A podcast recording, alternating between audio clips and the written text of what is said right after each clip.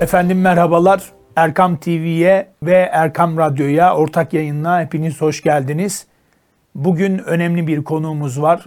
Ezgi sanatçısı Ammar Acarlıoğlu bizlerle beraber.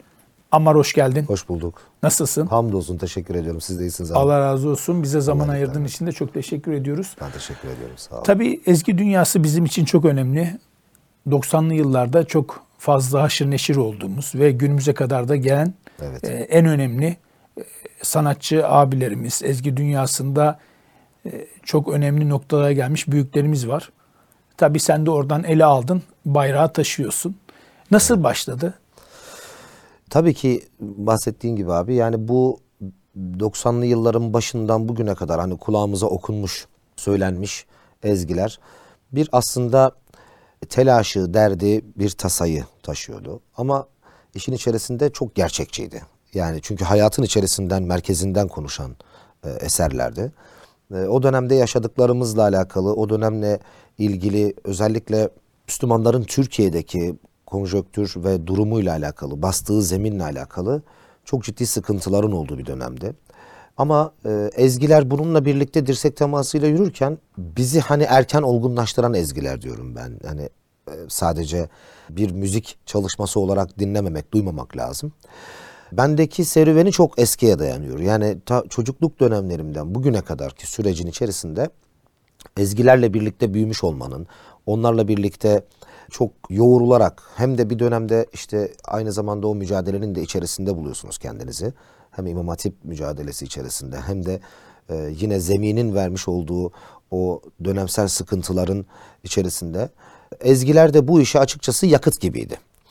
E, her an aslında bir ezgi sanatçısı olmayı gerektirmiyor ezgilerin içerisinde bulunmak. Çünkü herkesin dilinde ezgi, bizim ezgilerimiz, bizim sö- sözlerimiz, marşlarımız, şarkılarımız bir direniş sembolü olarak bayraklaşmıştı. Günümüze de tabii bu şekilde geldi ama benim serüvenim e, 2000'li yılların hemen başında yani 2006, 2005-2006 e, yılları arasında o dönemde profesyonel anlamda yapmaya karar verdiğim, artık bulunmalıyım dediğim ve ilk single çalışmalarla serüvene ortak olduğum bir dönemdi. O günden bugüne işte yaklaşık 17-18 yıldır bu çalışmaları gayretle sürdürmeye çalışıyoruz. Kimlerle beraber dirsek temasın oldu? Tabii ki bu yolun kilometre taşları olarak yani hani bizim kendileriyle birlikte olmaktan mutlu olduğumuz büyüklerimiz. Başta Ömer Karaoğlu. Ömer abi bizim için çok önemli bir hem bu alanda hem de sosyal alanda hem de e, kendi bulunduğu akademik alanında da çok önemli bir insan. E, Bizim için tabii ki hem bir kilometre taşı olması hem de bu işin bir hocası, öğreticisi olması açısından bizim için çok değerli, çok kıymetli kazanımlar elde ettirdi. E, Ben mesela ikinci albümün özellikle söz beste aşamasında çok ciddi desteğini almıştım kendisinin. Yani hani e, süzgecinden geçerek bu işi yapmak için. Yani dokunabildiği kadar, elinden geldiği kadar bu gayreti gösterdi hamdolsun.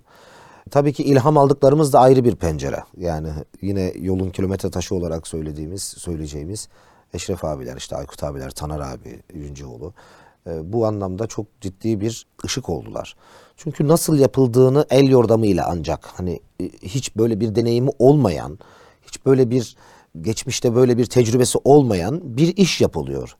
Yani nasıl yapılır, nasıl edilir diye tabiri caizse gözler kapalı tutunarak bir şeylere. Bunun okulu da yok, alaylı olarak zaten evet, devam ediyor. Evet yani Ömer abi e, meslekten iktisatçı, işte Eşref abi ilahiyatçı yani bu adamların bu işi yapması tabii ki içindeki o sanat duygusu, müzik duygusu ya da işte yorumculuk bunlar dışarı çıktıkça bir şeyler beliriyor ama hani neye ne- neyi nereye nereye göre yapacaksınız? Bunlar tabii ki çok el yordamıyla yapılan çalışmalardı ama günün sonunda gelinen noktada hamdolsun çok ciddi, çok güzel mesafeler kat edildi. Yani kendi adımıza da, camia adına da bu anlamda bu işi yapan diğer büyüklerimiz, kardeşlerimiz adına da çok güzel eserler ortaya konuldu, icra edildi. Şimdi okul bitti. 2000'li yılların başında Evet. başladım dedin. Aklının bir köşesinde var mıydı böyle bir sanat dünyasına girmek yoksa aklında başka bir kariyer vardı da burası bir kader mi oldu? Evet.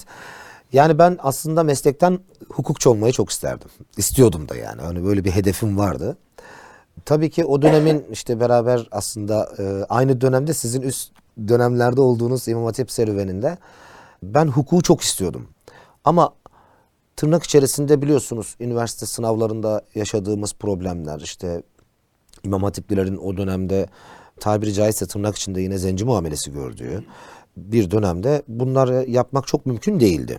Haddi zatında siz oraya başardıktan sonra o başarıyı gösterseniz dahi sonraki süreç yine aynı şekilde üniversitelerde bir probleme dönüşüyor. Çünkü bigane kalabilecek insanlar olarak kendimizi addetmiyorduk. Yani zulmün nereden gelirse gelsin karşısında olmak, mazlumun yanında olmak bu bir inanan birey için aklı yerinde olan, aklı selim olan bir insan için her vicdanı olan her insan için bir görev. Ben e, hukuku düşündüm ama yine meslekten iktisat, ulus- uluslararası ilişkiler e, okudum daha sonraki dönemlerde.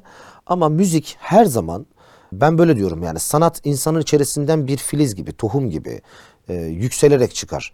Siz olaylara başkaları başka şekilde bakarken siz çok farklı bakabiliyorsunuz. Bu da sizi hayır öyle değil böyle e, demeye sevk ediyor. İşte müzikte ya da sanatta burada doğuyor. Hayır öyle değil böyle. Hani sanatın bir dili de böyledir diye düşünüyorum.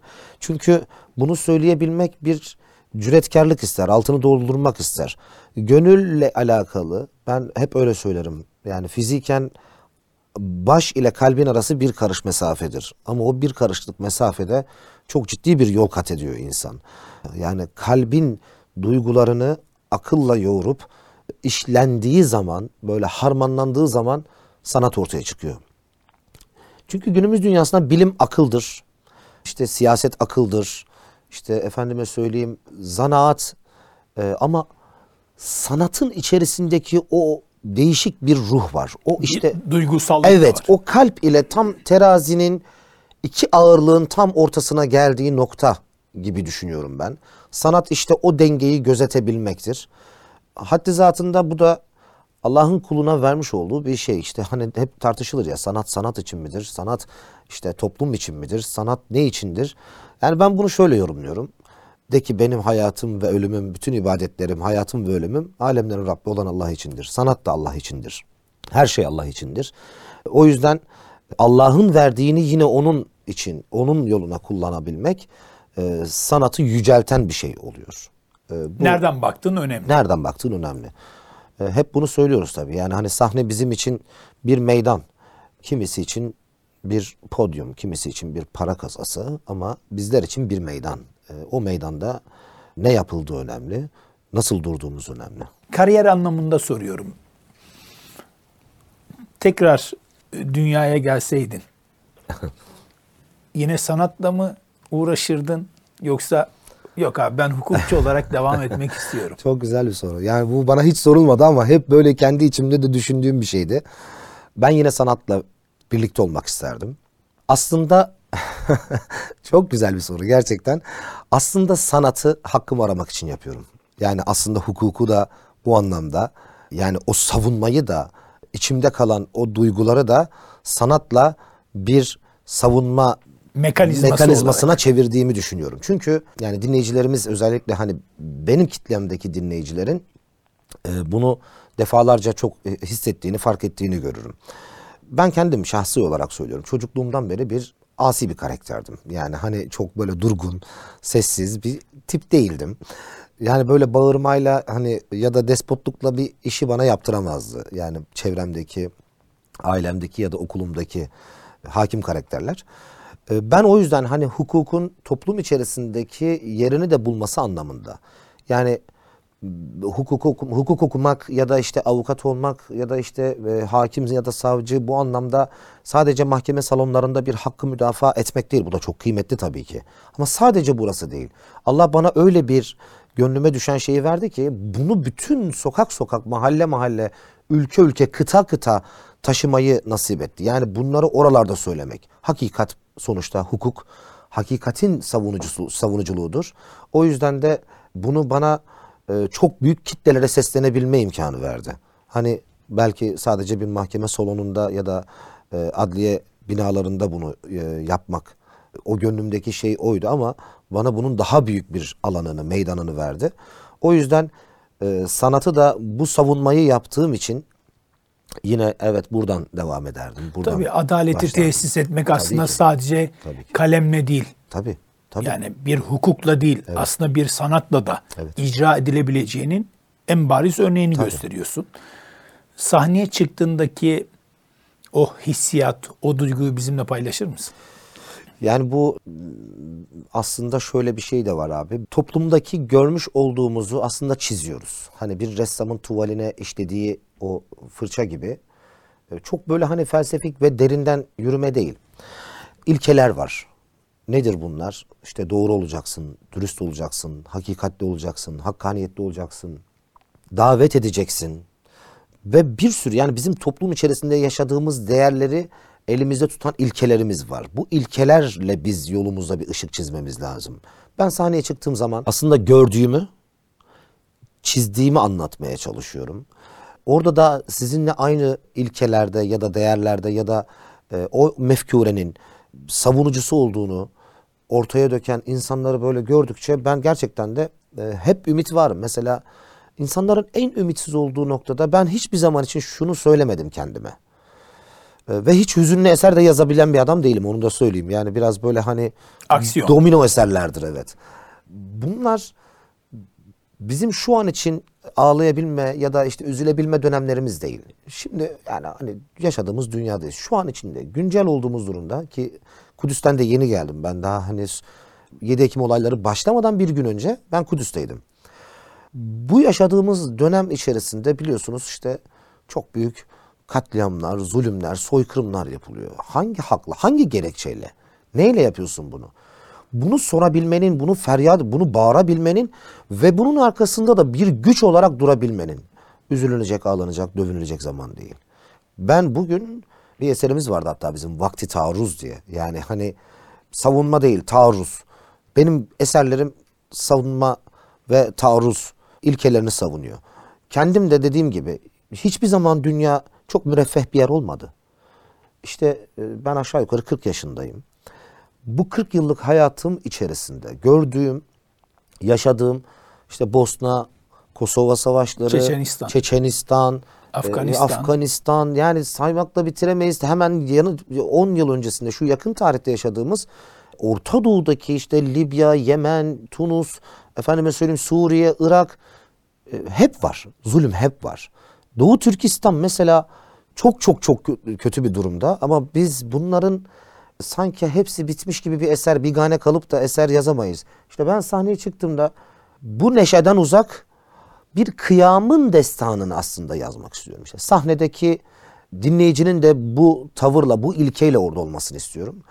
Bu ilke ve bu tavrın dışındaki programlarda da çok bulunmaya çalışmıyorum açıkça söyleyeyim. Ee, çünkü e, şu an çok kutlama yapılacak ya da herhangi bir şekilde içerisinde bulunduğumuz dünyayı güzelleyebilecek e, sözle, ifadeyle bir dönem değil.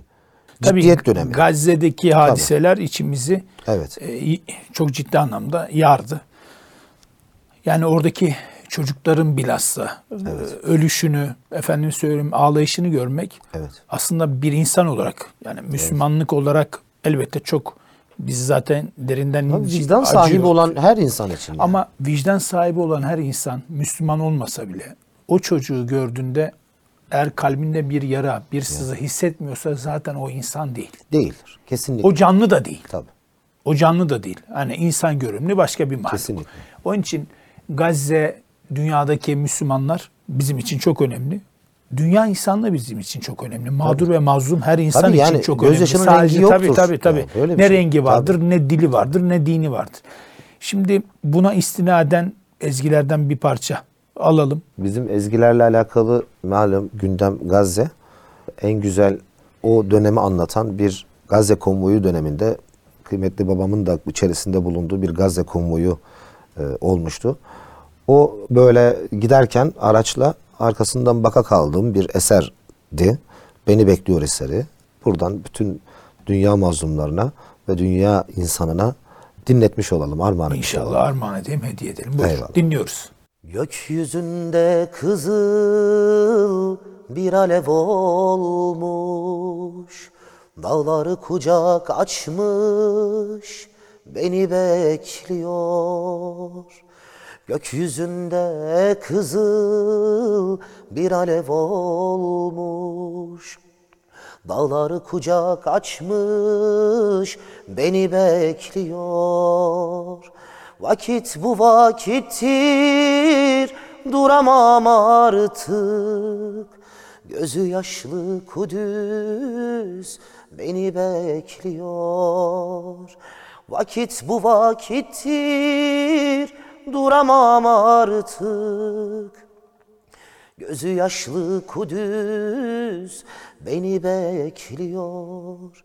Denizlerden karalara, İstanbul'dan Ramallah'a, yedi iklim dört kıtaya yazılsın bu şanlı destan.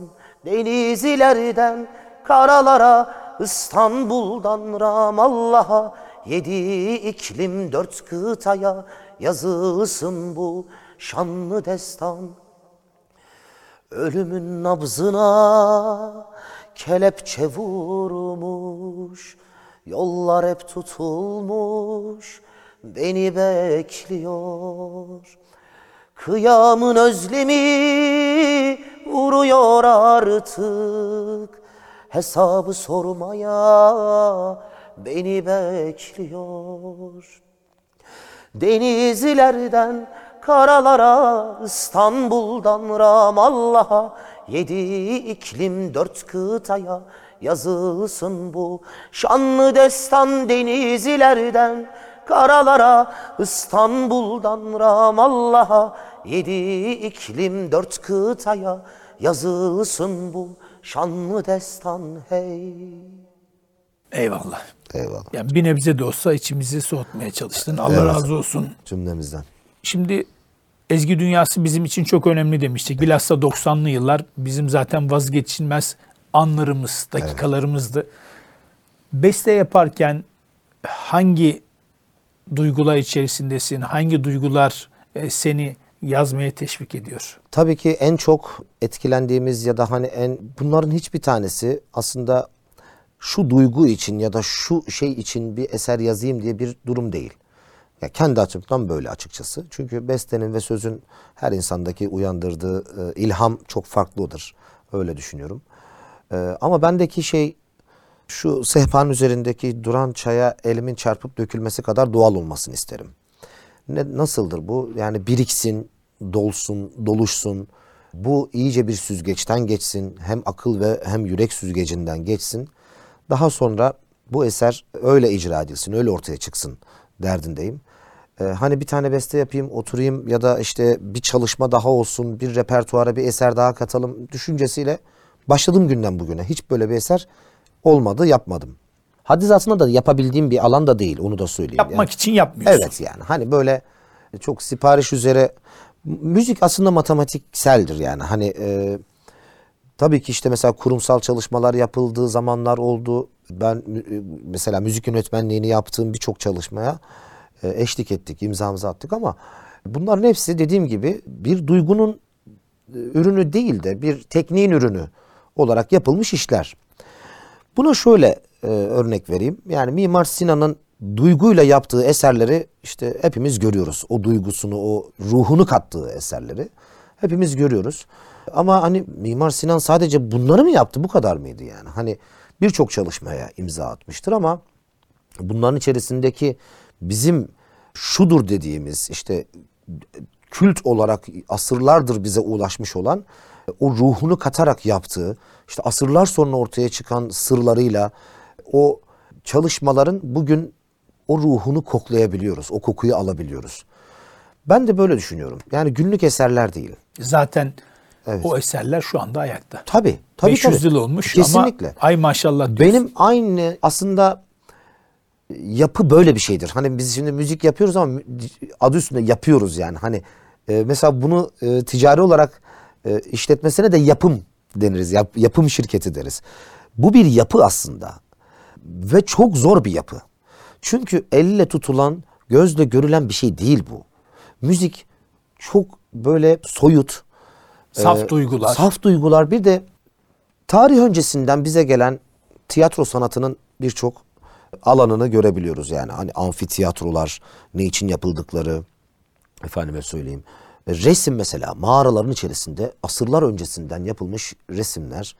Yine mimariyle alakalı asırlar öncesine varan sanatın birçok kolunu ama müzik şu bir asırlık dönemdir elimize kayıtlarıyla ulaşabilen. Çünkü hani teknoloji olmadan e, neler kaybedildi belki düşünsenize yani hani bir asır ya da iki asır öncesinden müzik çünkü sanatın büyük bir alanı o dönemlerden bu döneme kaybolan ne eserler vardı kayıt altına alamadığımız.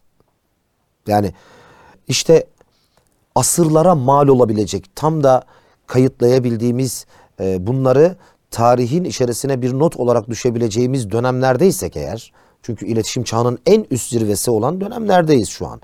Biz bu dönemlerde eserlerimizi sadece bugünlük değil yarına, sonraki güne, ötelere, asırlara yayılacak bir eser haline dönüştürmemiz lazım. Bunun da tek yolu var. Aslında birinci soruyla ilintili. Sorular çok güzel Ahmet abi o yüzden. Eyvallah. Biz başarının samimiyetten geldiğine inanıyoruz. Eyvallah. Soru yazabiliriz. O Eyvallah. sorun değil Tabii. ama o bir yarışma olur ondan e, sonra. yarışma olur.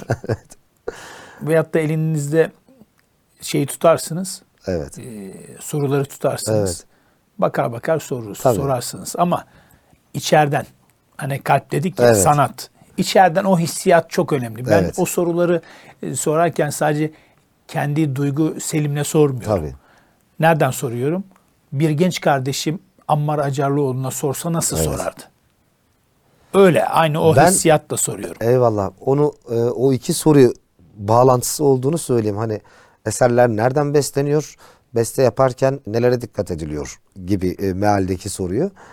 Eserin kaynağı eğer eh, Allah'a ve Resulüne ve inandığı ilkelere dayanırsa insanın o kadar kalıcı olur.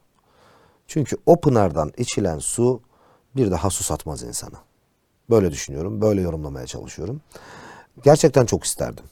Yani çiçekli böcekli bir dünyayı çizmeyi çok isterdim. Ama böyle bir dönemi çizmek için böyle bir tabloyu görmek lazım. Ya da hayal etmek lazım. Ben şu an dünya zalimlerinin tabiri caizse Nemrut ve Firavunlarının zamanın Nemrut ve Fir- Firavunlarının tarih boyunca artık şunu bilmemiz lazım. Hak batıl mücadelesi kıyamete kadar devam edecek. Asla durmayacak. Bu bizim ayetlerde de okuduğumuz, onların başına gelenler sizin başına gelmediği sürece işte bu bu kutlu yolculuğun, bu güzel yolculuğun aslında bir tadı tuzu da bu. Böyle de bakmak lazım. İşte dün Çanakkale'deydi, bugün Gazze'de, yarın başka bir yerde, işte Kafkasya'da gördük. İşte bu dönemler hep yaşadığımız çay, çay içerisinde oldu. Bizler bu işin şahitleriyiz, görgü tanıklarıyız. Yarın bunlardan sorgu, sorguya çekileceğiz. Bize soracaklar. Şurada yanı başımızda bir olay olsa, biri birine bir şey yapmış olsa, bir şiddet uygulasa ya da bir trafik kazası Allah korusun görsek, buraya gelen emniyet güçleri bize der ki olayı kim gördü ve bize olaya şahit yazarlar. Ve bu şahitlikten dolayı bizi mahkemeye çağırırlar. Mahkemeden dolayı doğru ya da yanlış şahitlik yaptığımızın durumuna göre bu olayın süreci karşı taraftaki mağdur kişi ya da o şiddeti yapan kişi, zalim kişi aleyhine ya da lehine sonuçlanır. İşte şahitliğimizin durumu bu kadar önemli. Biz dünyaya nasıl bir şahitlik veriyoruz? Eğer bizim şahitliğimiz mazlumun yanında ise zalimin ceza alabileceği hem bu dünyada hem ahirette bir yöne doğru sevk edilir. İşte küçücük, küçücük hamlelerle, küçücük eylemlerimizde, küçücük bedenlerimizde kısılacak yani şurada 5 dakika yüksek perdeden bağırsak seslerimiz kısılır bizim. Bizim sesimiz güçlü değil. Bizim bedenlerimiz güçlü değil. Bize bir güç veriyorsa Allah'ın verdiği sen sesten duyuracak olan benim dediği güç. O seslerimiz o seslerimiz işte. Ama onlarla yapmış olduğumuz mücadele bugün dünyanın birçok meydanında New York'ta, Londra'da, işte Amsterdam'da, Paris'te, Sydney'de, Melbourne'de dünyanın birçok noktasında sadece Müslüman ülkelerle sınırlı kalmayan bir insan akım, akımına dönüştü. Ha duracak mıyız? Hayır, devam edeceğiz. İşte hani sözlerden, bestelerden ve seslenmekten yola çıkarsak aslında bu sesleniş sadece Gazze'de ya da sadece Kudüs'te, Filistin'de ya da dünyanın başka noktasında bir zulüm olduğunda olmamalı. Bu seslenme her zaman olmalı. Bu sesimiz her zaman çıkmalı. Niçin? Çünkü kıyamete kadar Firavun ve Nemrut bunlar hep olacak. Yani biz bizde İbrahimler, Musalar, Yusuflar olmaya gayret edeceğiz o zaman. Çünkü bizim rol modellerimiz e, bunlar. Onların rol modellerinin ne olduğunun hiç önemi yok biz onlar olduktan sonra. O yüzden Nemrud'un ateşi, işte Firavun'un sihirbazları, efendime söyleyeyim hiçbir tanesi Bunların hiçbir tanesi Müslümanı yolundan alıkoyacak nedenler değildir. Allah'a dayandıktan sonra. Eyvallah. Şimdi diktatörlerden, zalimlerden, Siyonizmden ve emperyalizmden bu insanlık çok ciddi anlamda zaten uzun yıllardır çekiyor. O zaman bu senin güzel bir ezgin var. Ebabil taşları. Evet. Onu bir seslendirirsen bahtiyar hay. oluruz. Önce şunu söyleyeyim tabii ki ebabil taşları ebabiller yere konmadan biliyorsunuz yüksekten kalkarak uçarlar. Yerden kalkabilecek bir yapıya sahip değiller.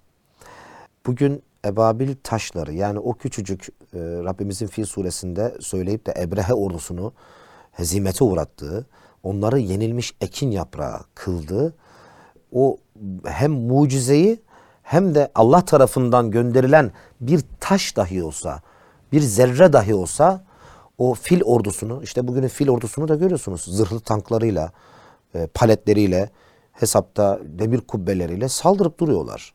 Ama inanmış bir avuç insanı hala asla ve asla bunu başaramadılar ve ben başaracaklarını da zannetmiyorum. Allah bunların sonunu inşallah bu firavunun sonunu getirsin. Yine firavun çıkacaktır. Yine Nemrut var olacaktır.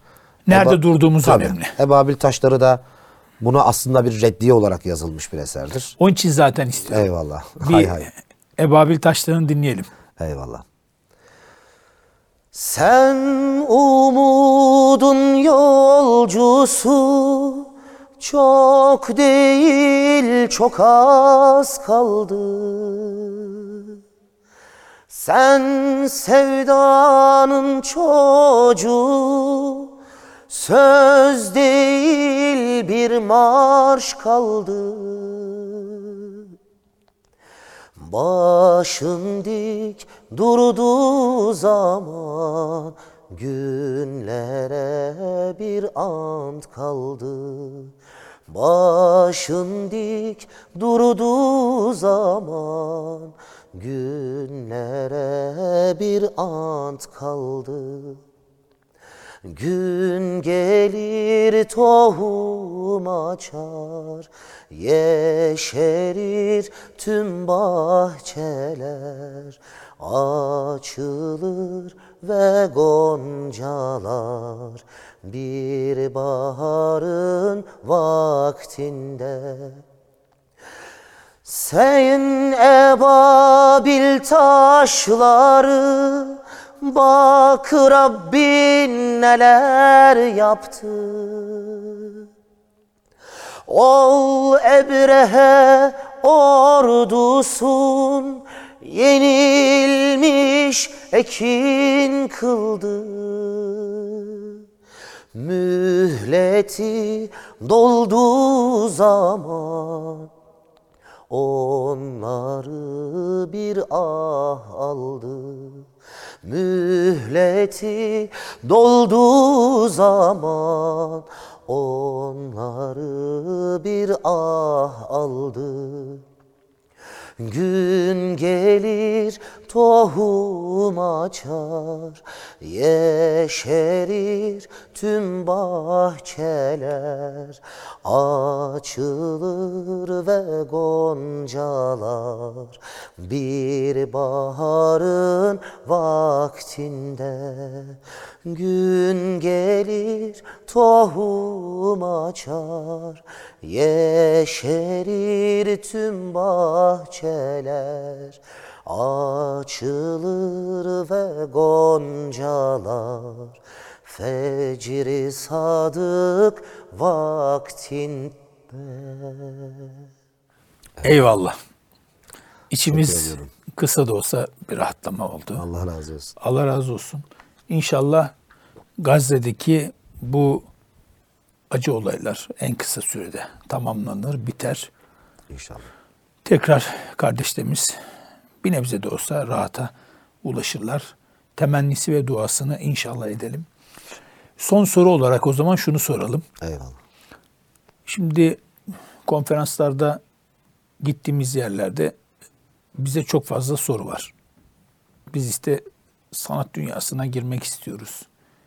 Yani bir senin az evvel söylediğin gibi farklı bir ruhla Allah'ın istek ve arzusu yönüyle. Evet. Şimdi buradan baktığımızda bu genç kardeşlerimize neler tavsiye edersin? Hangi yolu kullansınlar? Kimlerle dirsek teması çok sağlıklı olur. Bu da evet çok istediğim bir soruydu aslında. Hani e, hep Allah'a şükür çalıştığımız yerden geldi sorular. Onu söyleyeyim. Bugün iyi soru sordun. Evet güzel sorular. Ee, cevabından daha iyi sorular diyebilirim. Çünkü, çünkü hakkıyla Rabbim cevaplamayı nasip eylesin. İnşallah. Şimdi abi bu yol biraz çileli, sıkıntılı. Ee, bu çilesi, sıkıntısı Çilesiz yolu var mı? yok, hiçbir şey yok. Ama hani ben çileli deyince arkadaşlar bazen özellikle genç arkadaşlar işin e, müzik evet sanat pahalı bir iş. Yani sanat icra etmek Türkiye'de ve dünyanın birçok yerinde pahalı bir iş. Hele de hele de bunu insanları uyandırmak için uyku güzeldir çünkü. Yani uyandırmak çok zordur. Uyku güzeldir. Uykudan uyandırmak zor bir iştir. Uykudan uyandırılana kızılır, bağırılır. Ya bu saatte uyandırılır mı diye söylenilir. İşte uykudan uyandırmak için ise sanat hele de iki katı zordur. Ama bu zorlukların hiçbirisi maddi anlamda söylediğim şeyler değil. Ben kendim bir taraftan üniversiteyi okuyarak bir taraftan e, sokakta elimde geceleri dürüm arasında bir şeyler satarak albüm yapmaya çalıştığım dönemler vardı. İlk çalışmalarımı bu şekilde yaptım. Ama bu hiçbir zaman arkasından e, ümitsizliği ve pesimistliği böyle hayata küsmüşlüğü getirmedi. Her eylem yeniden diriltir beni diyor ya Mehmet Akif İnan rahmetli. İşte her eylem, her e, şey yeniden bizi diriltmeli. Müzik ya da sanatın herhangi bir dalıyla. Ben sanatı bir e, çatı olarak düşünüyorum. İçerisinde müzik vardır, tiyatro vardır, şairlik vardır, yazarlık vardır. Yani birçok alanda e, kardeşlerimizin ilk önce kendini keşfetmesi gerekli. O keşfi gerçekleştirdikten sonra sabit kademe eğleyerek yoluna o şekilde devam etmesini istiyorum. Çünkü bu arkasından o sebat e, bir kitleyi, o kitle başka bir kitleyi ve jenerasyon olarak sürekli siz, sizin de tezgahınızdan birilerinin geçmesini, bu yola, bu durağa birilerinin uğramasını istediğiniz bir döneme geliyor. Şimdi elhamdülillah çok güzel kardeşlerimiz var. Gencecik 17-18 yaşlarında. Bu arkadaşlarla iletişimdeyiz. Yetenek olmaları için mücadele veriyoruz ve çok güzel inşallah önümüzdeki dönemlerde kendimi de yaşlanmış hissediyorum bu arada. önümüzdeki dönemlere güzel güzel genç kardeşlerimizi yetiştireceğiz. Allah ve Resulünden, davaya olan e, sebatından ve bastığı noktadan, sabit kademden ayrılmadan bu yolla ilerlemenin faydasını görürler. Çileli bir yol, stresli bir yol, sıkıntılı bir yol. Sürekli kendilerini geliştirmeleri ve yenilemeleri lazım ve göz kırpılan dünya nimetlerine de bazen e, elinin tersiyle hayır diyebilmesi lazım. Bu önemli bir şey. Eyvallah. Yani bayrağı aslında alıp teslim Evet. etmek de çok Evet. önemli. Evet. Ettiğimiz teslim edeceğimiz bayrakta kime edileceği de çok önemli. Kesinlikle. Eyvallah Allah razı olsun.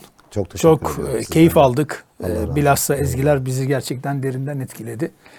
Efendim Erkam TV, Erkam Radyo ortak yayınımız olan Bakış Açısı programımızı burada tamamlıyoruz.